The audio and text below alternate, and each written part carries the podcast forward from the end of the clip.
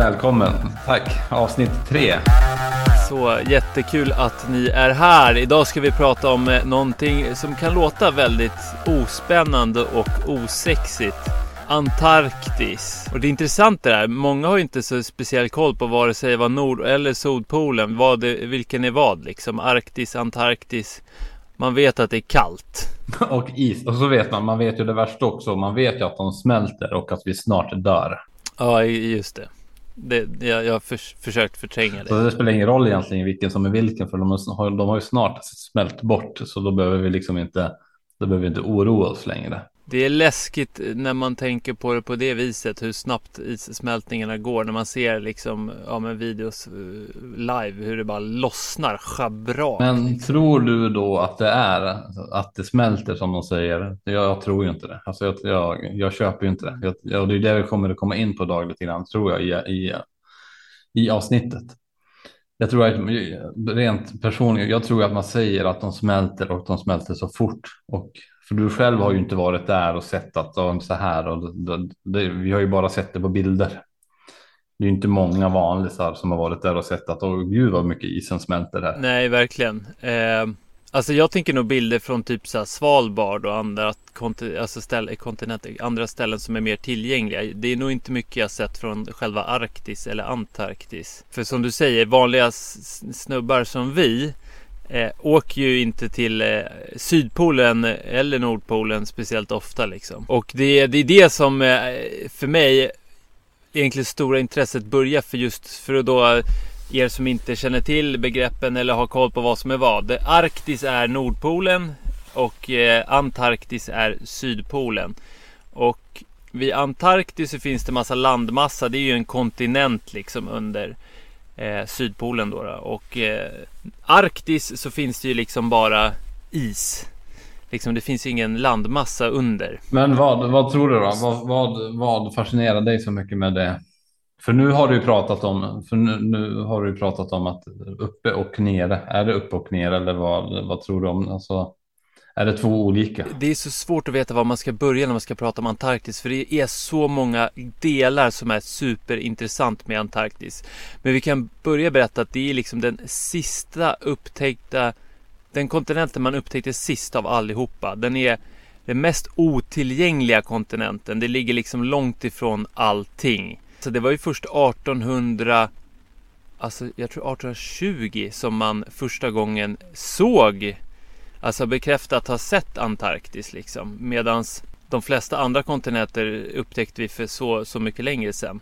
Man hade långt, länge ritade man ut på kartor, alltså in på slutet av 1700-talet, jag tror till och med början av 1800-talet, så ritade man liksom en stor kontinent söderöver. Men man hade aldrig sett någon, utan det var en gissning man hade för att ja, massorna norröver borde liksom väga upp med någonting söderöver. Första gången man liksom nådde Sydpolen. Det är nog många som har hört om att det var den här norrmannen Amundsen. Det var ett litet race, alltså så man som lite space racet mellan Ryssland och USA. Vem skulle nå Sydpolen först? Och det var ju många som strök med. Men 1911 så ska Amundsen och hans expedition ha liksom nått den magnetiska Sydpolen. Eh, och det, det här är sånt som jag tycker är... Men vilka, var, det, var det Sydpolen man, man, är det Sydpolen man har åkt till och man, det är någon gubbe som har blivit stoppad av helikoptrar och grejer eller är det Nordpolen? Sydpolen är bara tillgängligt för sen 1959. Om, om vi ska gå själva händelseförloppet i... Okej, okay, man, man var på Sydpolen 1911 och sen så hände inte så mycket fram tills, ja, vi kan säga innan andra världskriget då flera länder försökte etablera baser på Sydpolen, bland annat Tyskland, Nazi-Tyskland. Och det här är sådana grejer som för mig, jag som reflekterar över saker och inte köper det rakt av. För 1938, året innan kriget, så enligt den officiella utsagon så var det så att Nazityskland behövde fett till sin befolkning. Och beslutade sig då för att jaga valar på Sydpolen. Så världens mest otillgängliga plats, det är i snitt, för att ge ett litet perspektiv, i snitt 24 grader kallare på Sydpolen än på Nordpolen. för mig låter det väldigt konstigt att eh, okej, okay, men det effektivaste sättet att få fett till vår befolkning är att jaga valar längst bort där nere där det är som förjävligast liksom. Jag är helt övertygad om att, att, att Hitler hade en bas på Sydpolen där han hade ufo-kontakt.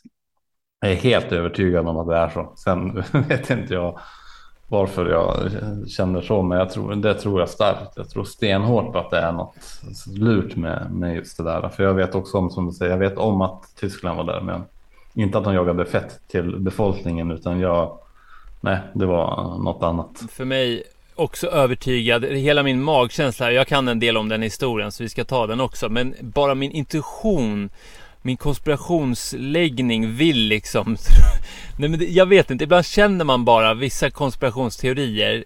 Jag vet inte om du håller med mig eh, Så känner man bara, nej men det här, det måste nog vara så. Det är liksom, det är bara lirar, bara ens magkänsla det, säger ja Det som jag berättade om då, jag tror, jag vet inte fan vilken av polerna där Men det, då ska det vara en, en kille som ska ha testat detta Som ska ha åkt ner dit Åkt skidor liksom eller någonting för, för att ta sig liksom över en av polerna, jag tror det var Sydpolen eller någonting, och bara ta sig över.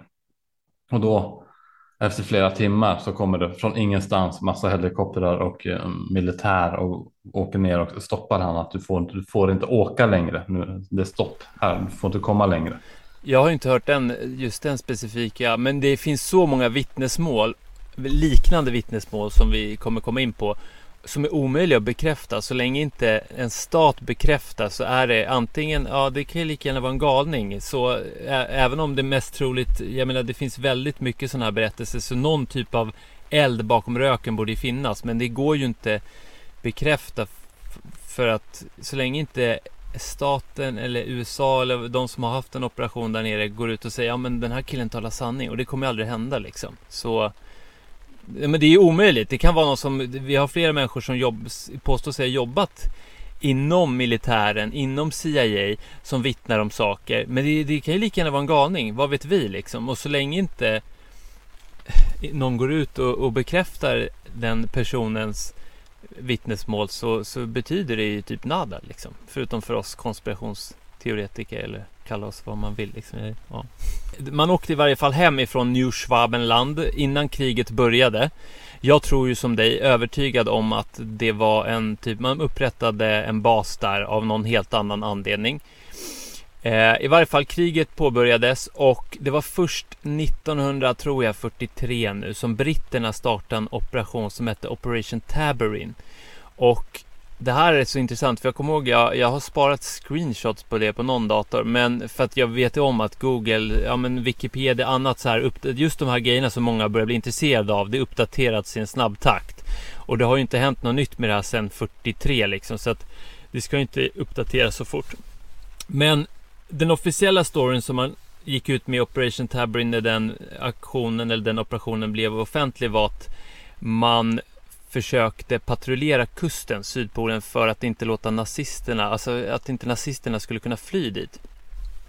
Man höll på till 45, så mellan 43 till 45 eh, patrullerade man då kursen. Om man googlar, och googlar du idag så tror jag att det står något annorlunda. Det står att ja, men konspirationsteoretiker använder det här som argument. Alltså du vet, det har verkligen förändrats snabbt. För bara två, tre år sedan var det helt andra sökresultat. Eh, och jag vet det för att jag har suttit och kollat på de här screenshotsen emellanåt. Eh, läskigt som fan. Eh, det enda du kan se är så här, ja men eh, texten har ändrats, typ på Wikipedia eller annat. Du vet ju inte riktigt vad som har ändrats. Så de, de, mycket av den här informationen är väldigt, ska vi säga, flytande idag. När vi gör det här podcastavsnittet så kan man fortfarande, jag har kollat upp lite sista veckorna, det går ändå att läsa rätt så mycket intressant om det här. Men vem vet om ett, två år hur mycket som har tagits bort. Det ska ju också börja så intressant också, inte den här teorin, men under de senaste åren nu så är det mycket läkare som har gått emot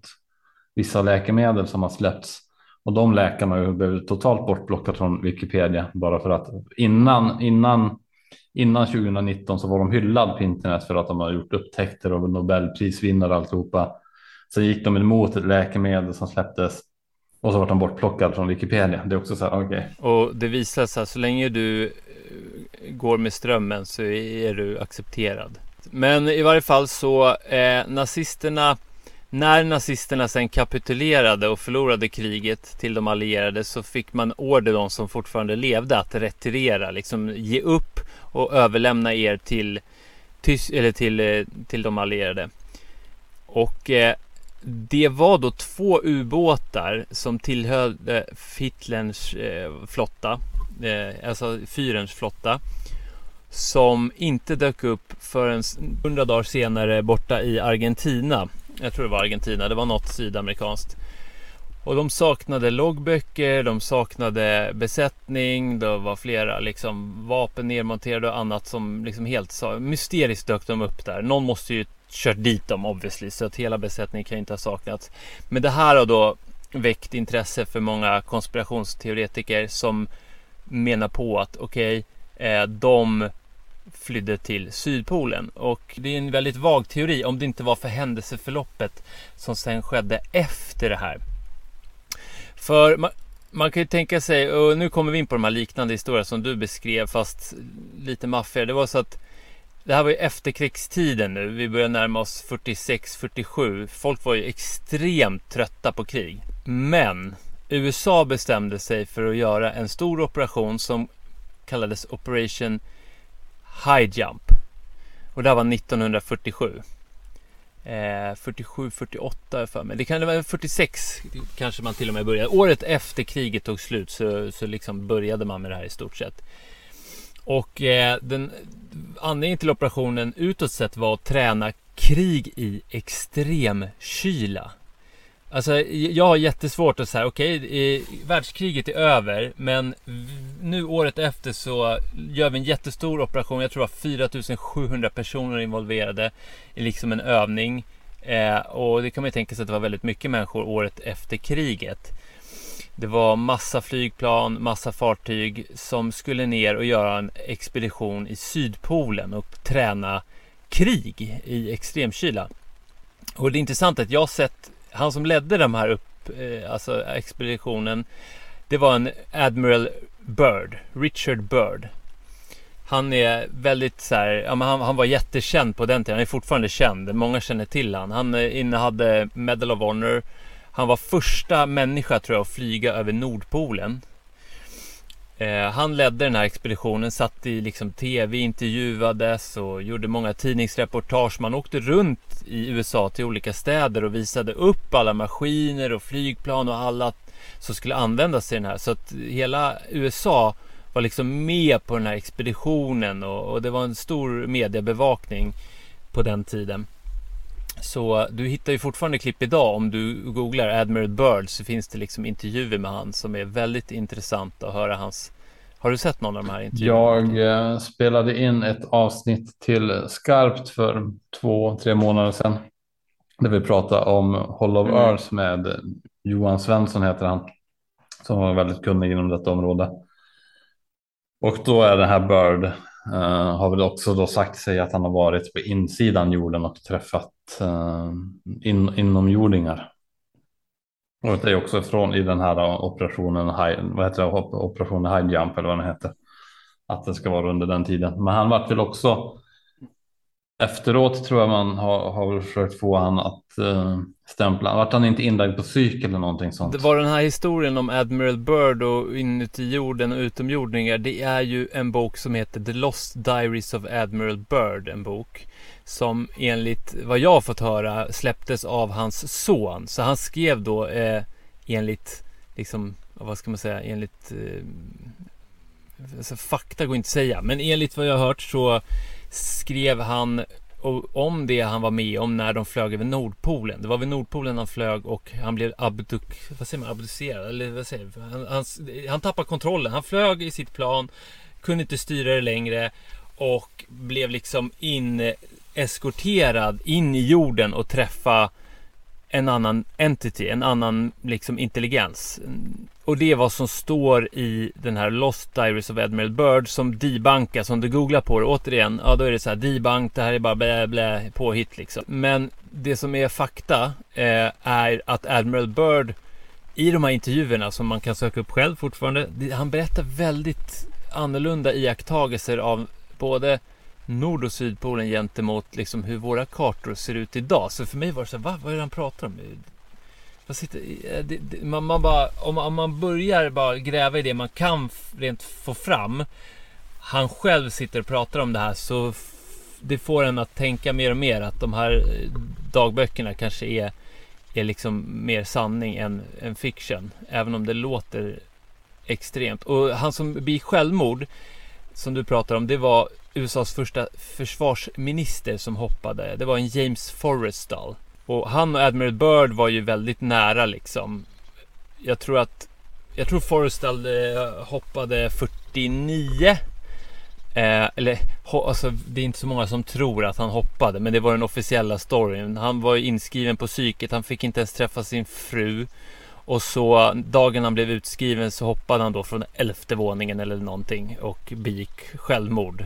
Så då kan man ju tänka sig att den här människan, jag vet inte hur länge han hade varit inskriven, men han, jag är rätt säker på att han dog 49. Eh, jag har ingen möjlighet att kolla upp det, men han måste ju varit en av de som haft störst kännedom om Antarktis efter de här expeditionerna. Eh, hur, hur, som helst, expedition High Jump så skulle man vara borta i åtta månader. Det var de här 4700 personerna, åkte söderöver, skulle leka krig. Eller leka, förlåt, träna krig. Och de kom hem mycket tidigare. Flera hade dött, flera flygplan annan utrustning gått sönder, helt pajat. Och då på väg hem betydligt mycket tidigare än man skulle så stannade man om det var nu i Chile där Admiral Byrd gjorde en intervju med en chilensk tidning tror jag det kan varit Peru, ja men någon av de här sydamerikanska. Och han berättar då att man var nere och stötte på en Alltså en, eh, en motståndare som var mycket mer superior än vad man själva var som kunde ta transportera sig från nord och sydpolen på några sekunder och eh, jag har läst flera av de här vittnesmålen eh, som folk som på, vart, påstår sig ha varit med i den här, Varför säger påstås? Det är för att det här återigen, det är inget som har gått att bekräfta. Man vet ju inte eftersom inte amerikanska staten själva gått ut och sagt ja men det här är den riktiga utsagan så kan det ju fortfarande vara bara dårar. Men flera vittnesmål som att man stöter på tyska nazistiska ufon där nere. Det är väl bara som du säger, det är ingenting som blir bekräftat. Men det är samma sak om man kollar på det här då med, som jag tycker är intressant, om man bör ha, ha i bakhuvudet när man pratar om sånt här. När du pratar mm. om svensk folktro så pratar man om tomtar och troll och väsen i skogen. För flera tusen år sedan. Och alla de här folktron, alltså man har ju haft folktro i alla länder. Överallt. I Japan, Chile, USA, Sverige, Tyskland, på, alltså runt om i hela jorden. Och alla de här äh, folktrosagorna är ju exakt lika. Du pratar om samma monster, samma väsen. Du benämner dem lite olika, men det, de är väldigt lika. Och hur kan de beskriva samma sak runt hela jorden, samma tidpunkt, i, samma, alltså i olika tidskrifter när man inte hade den informationsdelning som man hade idag? När information tog flera år, alltså flera hundra år innan det kom fram till, till varandra hur kan det då vara likadant? Så jag tycker man ska tänka på det där i, i, i sådana här lägen också. Att de, det är inte bekräftat, men när, när det är så mycket människor som berättar om det, som ufon till exempel, det är så mycket iakttagelser runt om hela jorden. Någonting är det ju, det måste, vi måste ju slå fast vid det att det är ju någonting. Sen vad det är, sen om, om det är skapat av, av militär och armé eller om det är riktiga utomjordingar eller om det är inomjordingar det är fortfarande någonting som sker. Det, det kan man ju inte ta bort. Det, det, är bra att du fick upp det, för det är det, den poängen jag vill att folk tar med sig med Antarktis. Inte berätta hur det är, utan någonting är very fucked up. Någonting gigantiskt blir vi ljugna om. Sen vill jag, hoppas jag att folk blir nyfikna och gör sin egen research och sin egen bild. Jag är jätteoklar med vad, vad som faktiskt har hänt och jag har spenderat många år och intresserar mig och titta på videos och läsa texter och så vidare. Jag är jättekluven i hur det är. Det finns lite olika teorier. Vi, vi ja. men, men någonting är jättekonstigt och det det, det börjar redan med James Cook eh, som upptäckte, vad var det, Australien tror jag. Eh, han seglade, om det här var, alltså jag är så dålig, 1770, jag tror det var någonting sånt. Han seglade, han, han ville upptäcka Sydpolen. Men lyckades inte. Alltså, då, han upptäckte Australien istället. Det var väl lite skönare klimat. Så egentligen borde han kanske inte vara... Ja, fuck nej. Helvete, jag stannar här.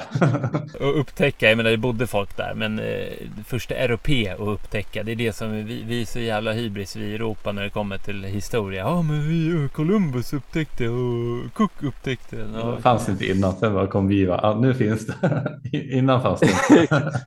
Det är så jävla skönt.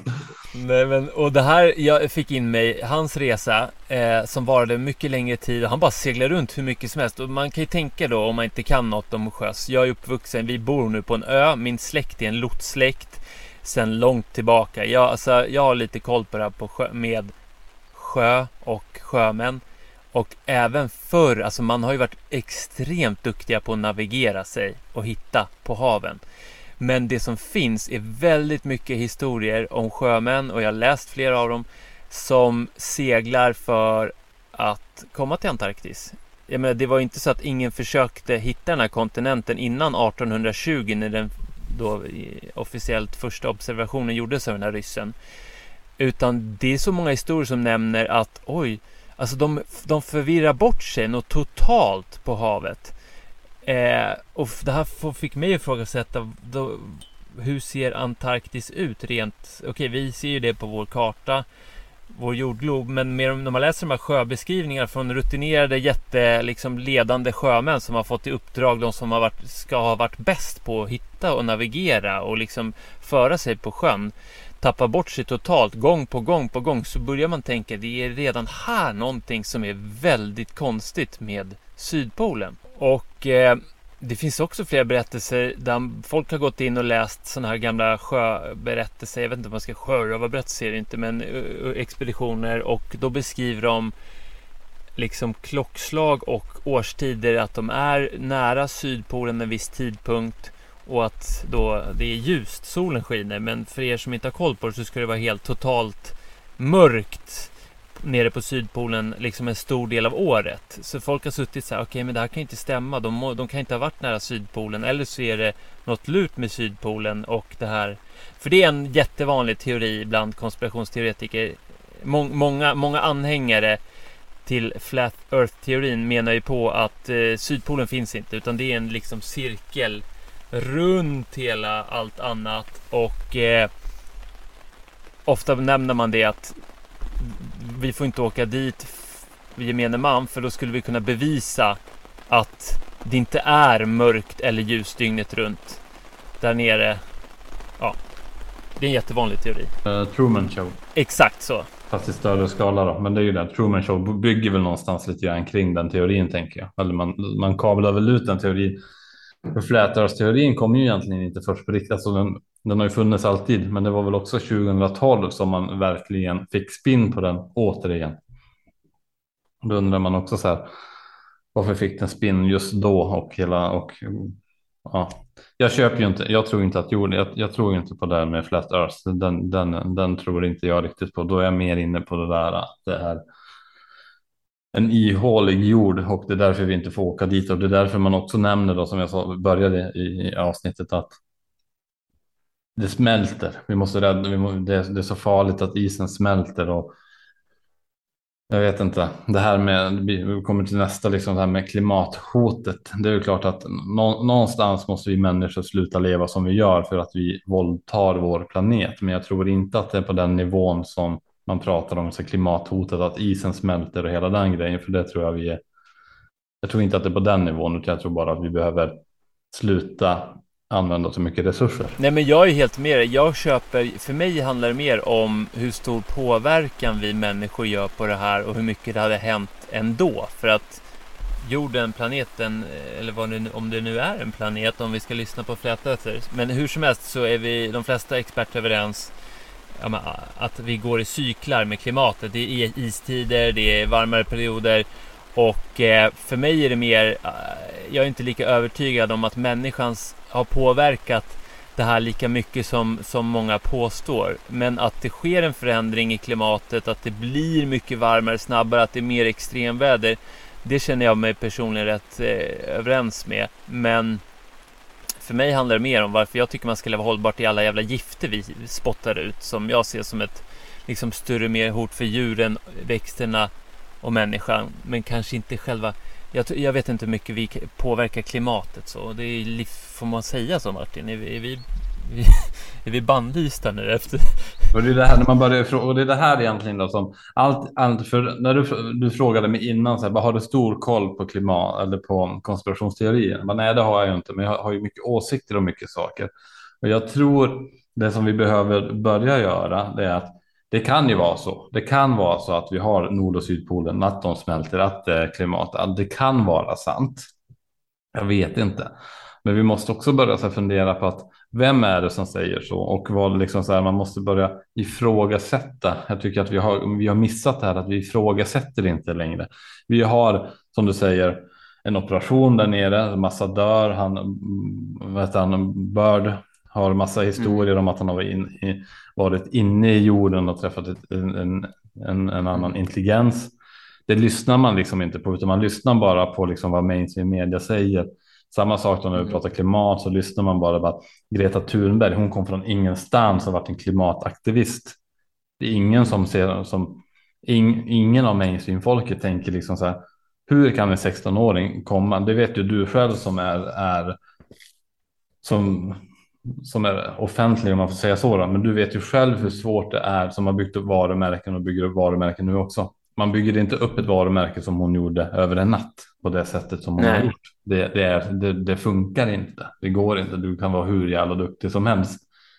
Det gör du inte. Du är inte en liten tjej utan då börjar man tänka vem byggde upp henne? Hur fick hon så mycket exponering? Hur kunde en 16-åring från Sverige sitta med Amerikan, am, am, mm. USAs förra president på scen och pratar klimatfrågor. Är hon den intelligentaste människan i hela världen att prata klimatfrågor med USAs, en av världens mäktigaste män?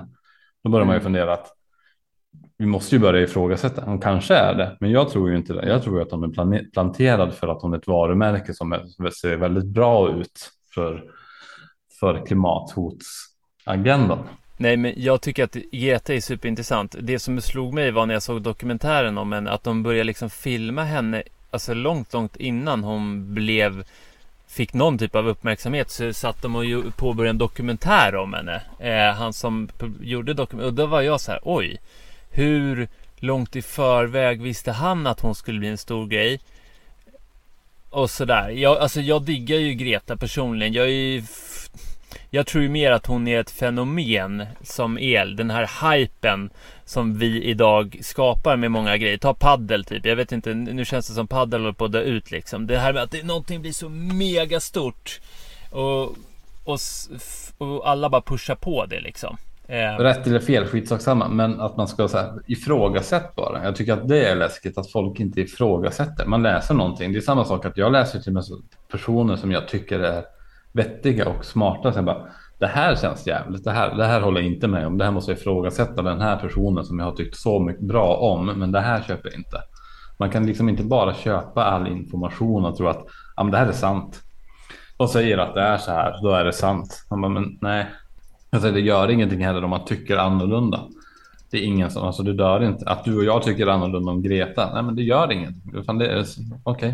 Skitsamma, alltså det, så det får vara så. Det är inte bara att man inte får Alltså så tänk, du blir ju motarbetad som att du är någon liksom jävla pedofil, nej men alltså barnamördare ibland. Alltså det är ju en riktigt tryck på de som skyddar systemet och som liksom så här att även om man bara ah, du har du tänkt på att det kanske är så här? Jag behöver inte ens vara anhängare, jag bara lägger fram korten. Att det kan vara på det här viset. Alltså det är någonting som är väldigt känsligt för många.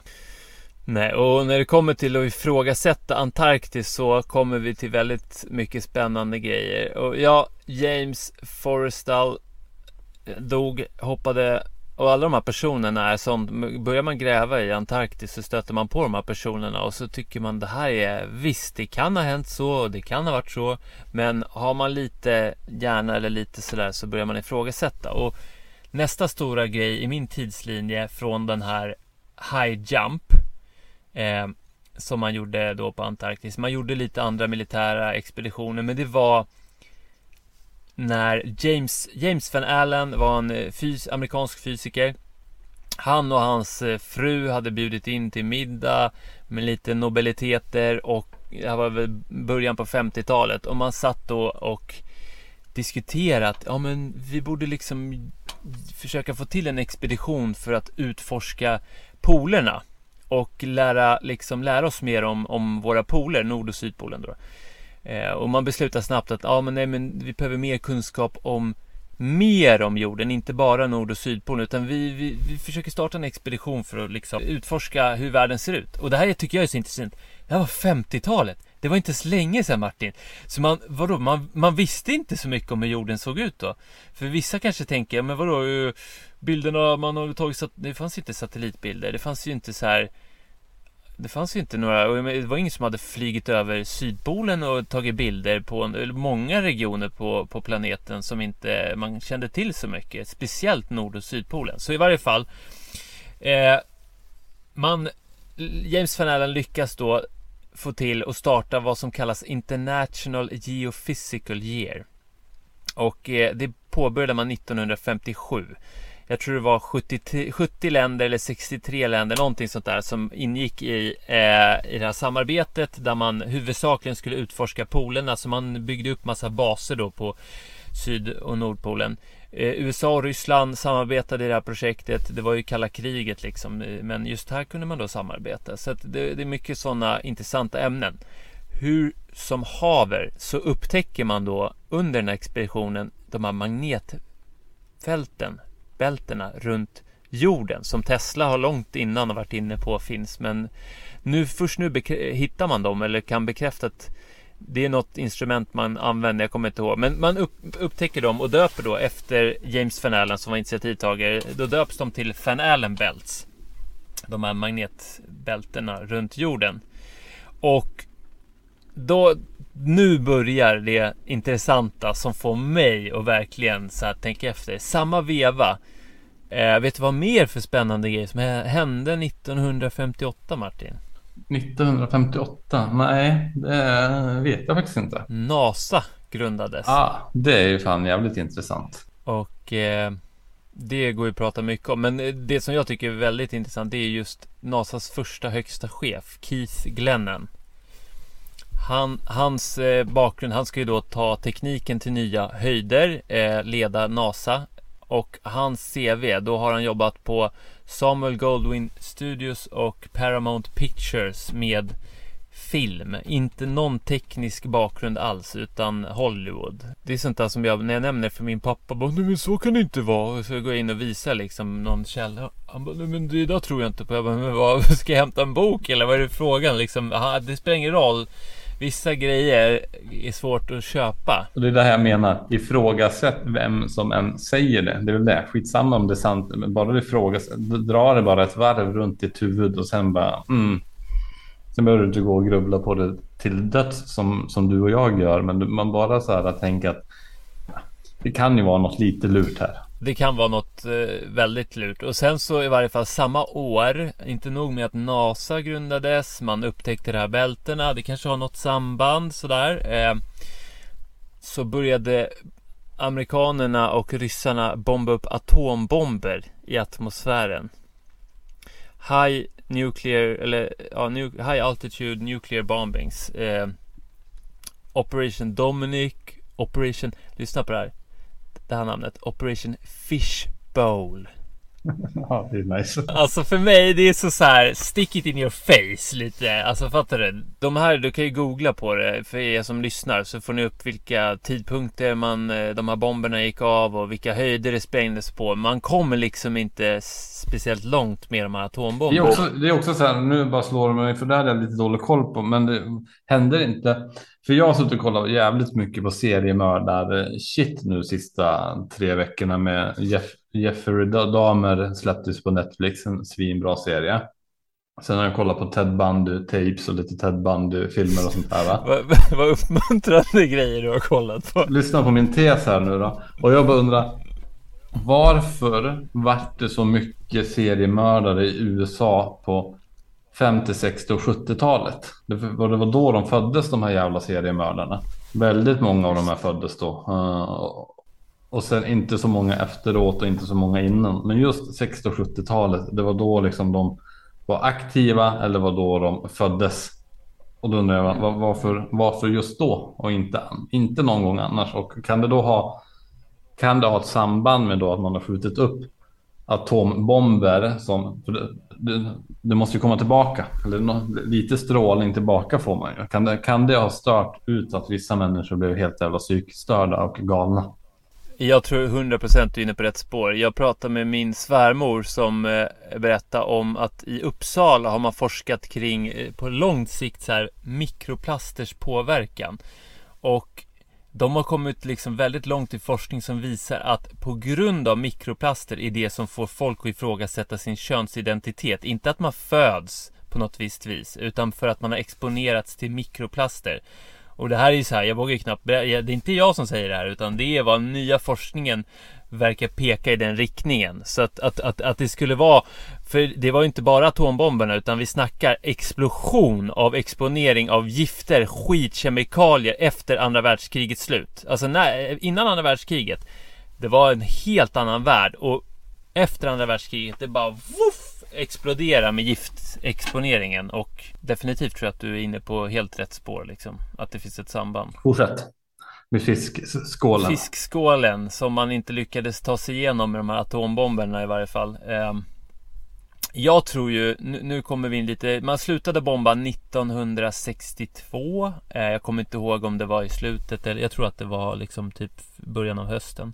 Men det som jag ser tidslinjen, En av mina teorier kring Kennedy-mordet är också en lång historia. Alltså för mig som, jag har ju läst mycket om alla de här. Jag har läst på mig jättemycket en period om JFK, jättemycket om NASA, liksom månlandningen. Jag ser ju några trådar här som du inte, om du inte själv har varit inne och grottat i det här så ser man inte de här trådarna. Men det var två grejer med JFK som jag ser som motiv till eh, att han blev mördad.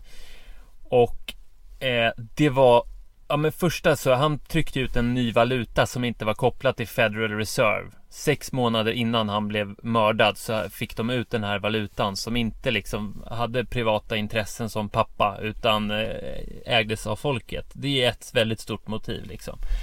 Men sen var det ju så att man 1961 den 12 september så hade JFK det här kända Moon Speech som många känner till att We, we don't go to the moon because it's easy but because it's tough liksom och eh, man hade inte varit på månen då innan men det var liksom ett språk, ett tal man gjorde för att få med hela amerikanska folket på tåget att nu jäklar ska vi till månen innan decenniet är slut och eh, ryssen ska fan inte först dit. Eh, hur som helst, JFK levde ju tyvärr inte tills 69 när, när, när man var på månen första gången om vi nu ska tro på det. Men han höll då talet 1900 ja, i september 61. Skitsamma om det var 12 eller inte. Men det var då det här kända talet hölls. Det var inte många månader, ett halvår efter som de här atombombningarna uppåt slutade. Så här, för mig har jag känt på ett motiv att han kanske insåg att vi kommer inte igenom det här magnetbältet. Det är omöjligt.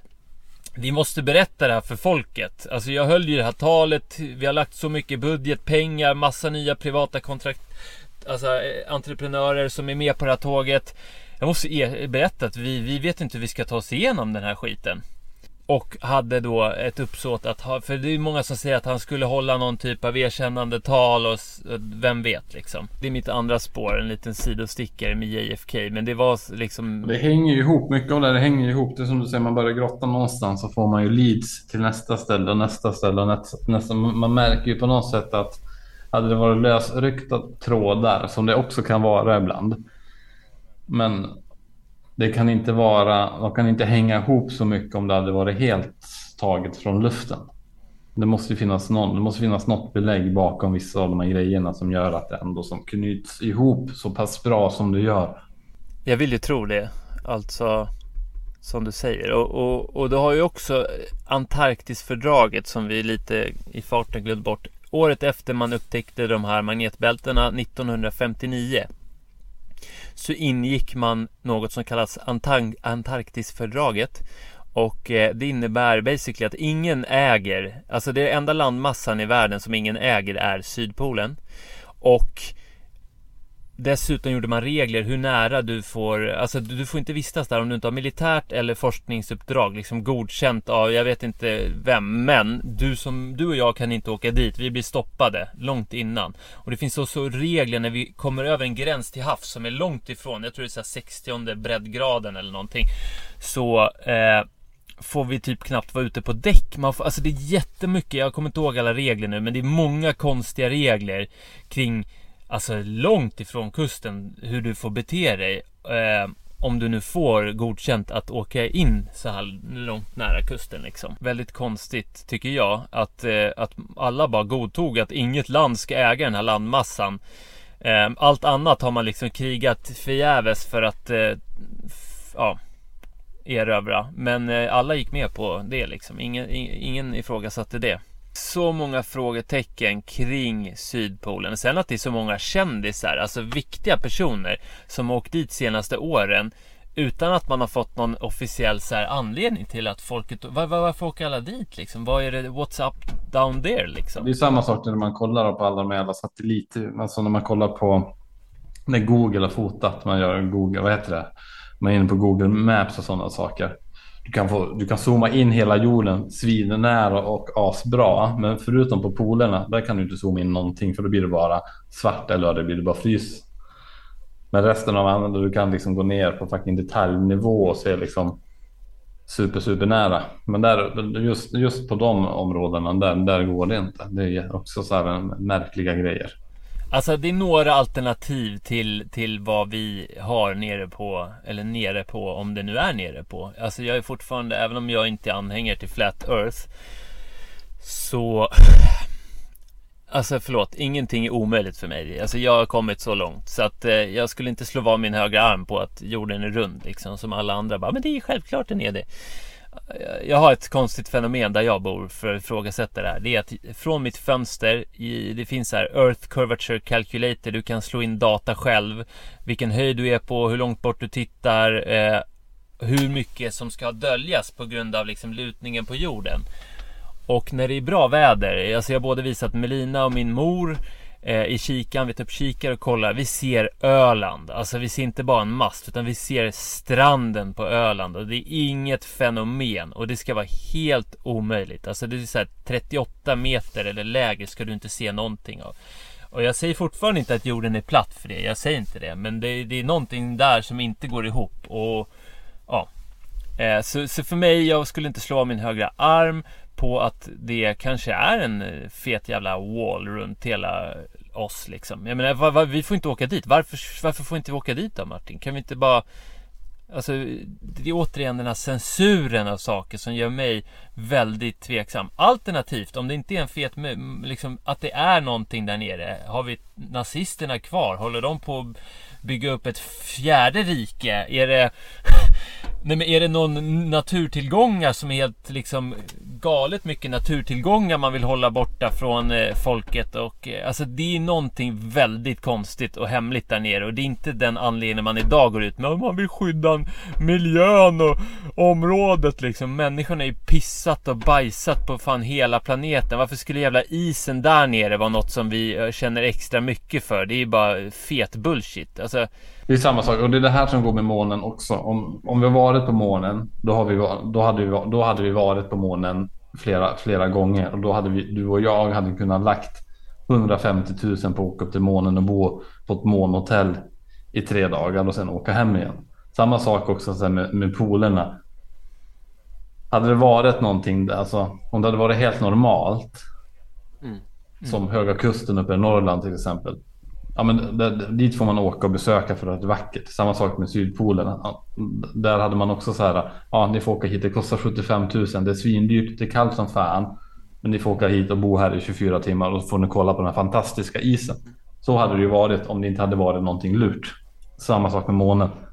Är det inget lurt med månen så hade vi åkt dit och vi hade Tjäna pengar på det. 100% och nu kan man ju åka expedition till Sydpolen. Alltså det finns sådana båtar som går. Jag vet inte om man får sova på båten eller om man får sova på land. Jag tror det går både och.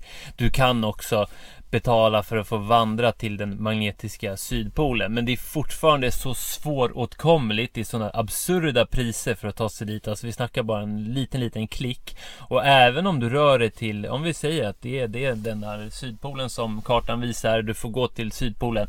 Det är 99% av resterande liksom får du inte tillgängligt för dig. Så att det är så mycket outforskat, otillgängligt. För vissa kommer säga, men du kan åka till Sydpolen, du kan åka med Disney. Disney har resor ner till Sydpolen liksom. Och det är också en jätteintressant Walt Disney och han tillsammans med han som upptäckte raketen. Du får ju åka till Nordkorea också. Där får du inte heller, även fast du kommer in i Nordkorea så får du inte se Nordkorea.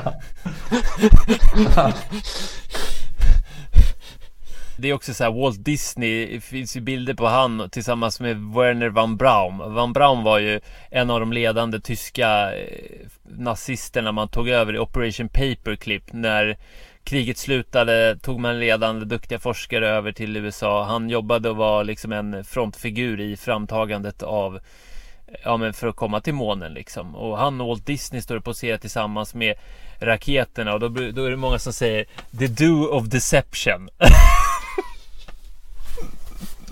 Nej, men vad säger du då? Konspirationsteorier, är det det som håller dig igång på dagarna? Alltså inte alls. Jag har ju inte, alltså det här var många år sedan jag grottade och grävde i det här. Jag, för mig var det en väldigt viktig process att börja inse att shit, någonting är fett lurt här med Sydpolen. Alltså, och har tagit med mig det utan att idag spendera min tid. Jag har inte tid, jag har två kids. Jag är glad att vi kan hinna sitta och prata det här liksom. Men det gett mig insikten att mer tro på vad jag själv kan se med ögonen. Eh, liksom, och inte köpa allting som sägs. Som du säger, lärt mig att ifrågasätta. Och varför ska man ifrågasätta då? Ja, för mig handlar det om att jag var en jävligt miserable guy liksom. Jag var en jävla, jag mådde fett dåligt. Jag hade ett riktigt, alltså jag, jag var inte lycklig någonstans. Tills jag började ifrågasätta. Okej, man kanske inte ska leva så här. Det kanske finns en liksom stark vilja att människor ska hamna i den här trappen och bli olyckliga. Oj, har jag varit liksom offer för det? Eh, så det har gett mig makten att kunna ta tag i mitt liv. Jag börjar inse då kanske att det är en illusion som vi också lever i som jag tycker att det är så jävla viktigt att det finns en anledning till att det kallas att man är löneslav i Sverige. Det är ju för, för att man faktiskt är slav till ett system som går ut på att man ska tjäna pengar och du får bara behålla 30 procent eller 33 procent av det du tjänar, av det du tjänar får du behålla. Och då blir man en löneslav. Det är också så här måste förstå att, att det är någonting. De har byggt upp någonting som vi ska bli förblindade i och ifrågasätter. Det gör inte att man blir, kommer helt ute, men man kan i alla fall börja förstå som du säger att ah, det är kanske därför jag inte tycker att jag har passat in, inte har trivts med den här typen av människor som jag har blivit ihopbuntad med i skolan, på arbetsplatser, hela den biten.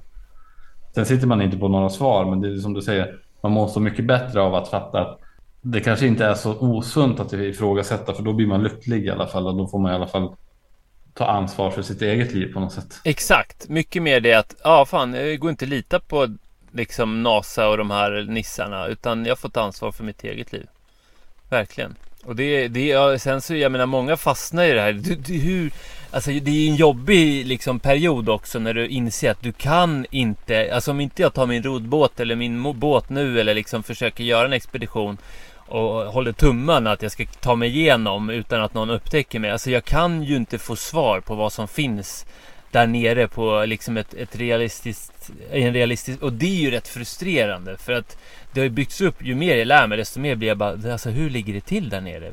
Så att eh, man får ju någonstans finna sig i att inte veta saker. Eh, vilket kan vara jobbigt också. Så att det är lite varning för er som är intresserade och nyfikna på att gräva själva i de i de här träsken. Så ni kommer inte bli satisfied. Jag tror väldigt få blir satisfied och känner att de har en klar bild av hur exakt det faktiskt är. Och en eh, anekdot eller liksom så här, eh, Nu har man eh, 2017 tror jag man borrat i isen i Antarktis. Det där när man liksom kollar rent hur klimatet har sett ut på jorden. Eh, så borrar man i isen för att kunna se. Jag vet inte, man, vi är smarta idag. Eh, hur som helst, 2,7 miljoner år tillbaks har man kunnat borra i isen i Antarktis. Så då betyder det att det finns ställen på Antarktis där isen är så tjock att det som ligger under har inte sett liksom dagsljuset på 2,7 miljoner år. Och det är inte långt i ett liksom så perspektiv för planeten. Men i ett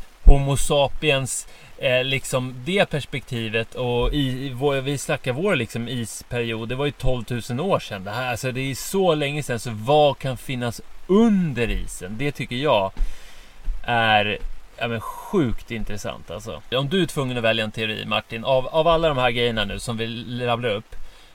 Och då var det då, då Hollow Earth, Flat Earth, eh, nazistisk, alltså nazister, eh, ufo-nazister, annan, enti, annan entity, alltså någon annan intelligens. Nej, men av, av allting som vi har sagt, jag vill också säga, för vi pratade ju om att, att Google ändrar resultat och att man exponeras för andra saker. Och jag nämnde det fort för något, något avsnitt sen också det här med Just det med månlandningen, att det var 69 sa du och sen var det här att vi, vi har inte kunnat åka dit för att vi har tappat, tappat teknologin eller någonting sånt. Mm. Och sen är det massa saker. Så jag vill egentligen att man ska gå in och kolla ganska mycket nu på vad som står om månlandningen från mellan 69 fram till år 2015. För nu med det nya rymdprogrammet som jag nämnde då, Artemis, som man ska göra nu i flera delar, då ska man ju landa på månen igen. Så då kan jag lova dig att den här gamla informationen kommer ändras. när Den här nya informationen kommer släppas. Sen, sen, sen, den teorin som jag, som jag vill och som jag tycker, jag säger inte att den är sann, men som kittlar mig mest, det är Hall of Earth. Jag tycker att det är sjukt intressant och att det finns också mycket det här med, med börd och hela den grejen. Och Agarsa finns då, landet, in, landet i, inuti jorden ska heta Agarsa och det ska finnas någon svensk från Uppsala eller någon norsk som har bott i Uppsala som har skrivit en bok som heter Agarsa som ska vara en expedition som den människan har gjort och kommit och in i, i, i detta. Vad lever den här personen? Nej, men det finns en bok. Jag tror att det är den. Jag tror att det är två stycken som åker. En dog och en skrev boken. Shit. Att det är någonting sånt. Men det ska är finnas. Det, ja, jag har hört om en bok. Någon segling. Men det är inte den kanske. Nej, men jag, eh, jag, jag, jag hänger på dig. Jag är också... Ja, men jag, det, det är den teorin jag tror mest på. Eh, faktiskt. Och det har att göra med så hur Bibeln, alltså nu börjar jag bli kristen, men alltså så här, om man kollar på historiska, det finns så många stammar, kulturer som berättar, alltså de berättar att de väck, vaktar den här ingången till jorden som de har fått uppdrag av farfar. Alltså det finns så mycket sådana här grejer som jag har sett. Eh, på Gaia finns det hur mycket som helst för den som vill gräva. Jättestort tips, gaia.com. Eh, det är för mycket rök kring eh, Hollow Earth för att inte kunna finnas mycket sanningar. Liksom. Ni får gå ut och kolla lite grann. Börja med, med polerna, börja se lite grann ifrågasätt. Uh, och sen kommer ni hitta massa annat som vi säkert inte sett om eller har tagit upp som också är jävligt intressant. Har ni möjlighet, gräv nu för att sökresultaten och informationen den försvinner i en takt som är brutal. Så att jag tror inte vi kommer, alltså nya, vad ska vi kalla nya människor som är nyfikna på alla de här grejerna. Det kommer inte gå att hitta information på samma vis om bara några år. Det kommer vara helt, den dörren håller på att stängas snabbt nu. Eh, verkligen. Ett exempel på det gällande Antarktis. Det är Buzz Aldrin som var andra mannen på månen, eller ja, om vi nu tror att de har varit där. Han ska ha lagt ut en tweet 2016 eller 2017 där det ser ut som en pyramid från Antarktis och det står så här We, It's evil itself, we are all doomed. Och sen ska han ha tagit bort den snabbt. Och om du googlar på Buzz Aldrin tweet så hittar du typ alltså en bild på det här. Två bilder. Det var, det var hur mycket som helst för bara ett, ett år sedan. Och då står det i någon Snoops artikel som menar på att men den här är fake. Det, var, det, det, det är den enda som fortfarande finns kvar som debankar den totalt. Men jag säger inte att det är äkta. Det är inte det jag menar nu, utan det kan vara liksom. Jag har ingen aning om Buzz tweetade det eller inte, men det som är grejen är att det finns ett sökresultat kvar att läsa ifrån och det här var en grej som var så stor snackis i konspirationsvärlden när det väl inträffade och det som finns kvar är en fucking sökresultat med bild på det här på Google. Ja, innan ni gör det så dela, dela podden och Och eh, lämna recensioner eller någonting och ge fem stjärnor så vi får lite feedback. Tack! Tack, hej!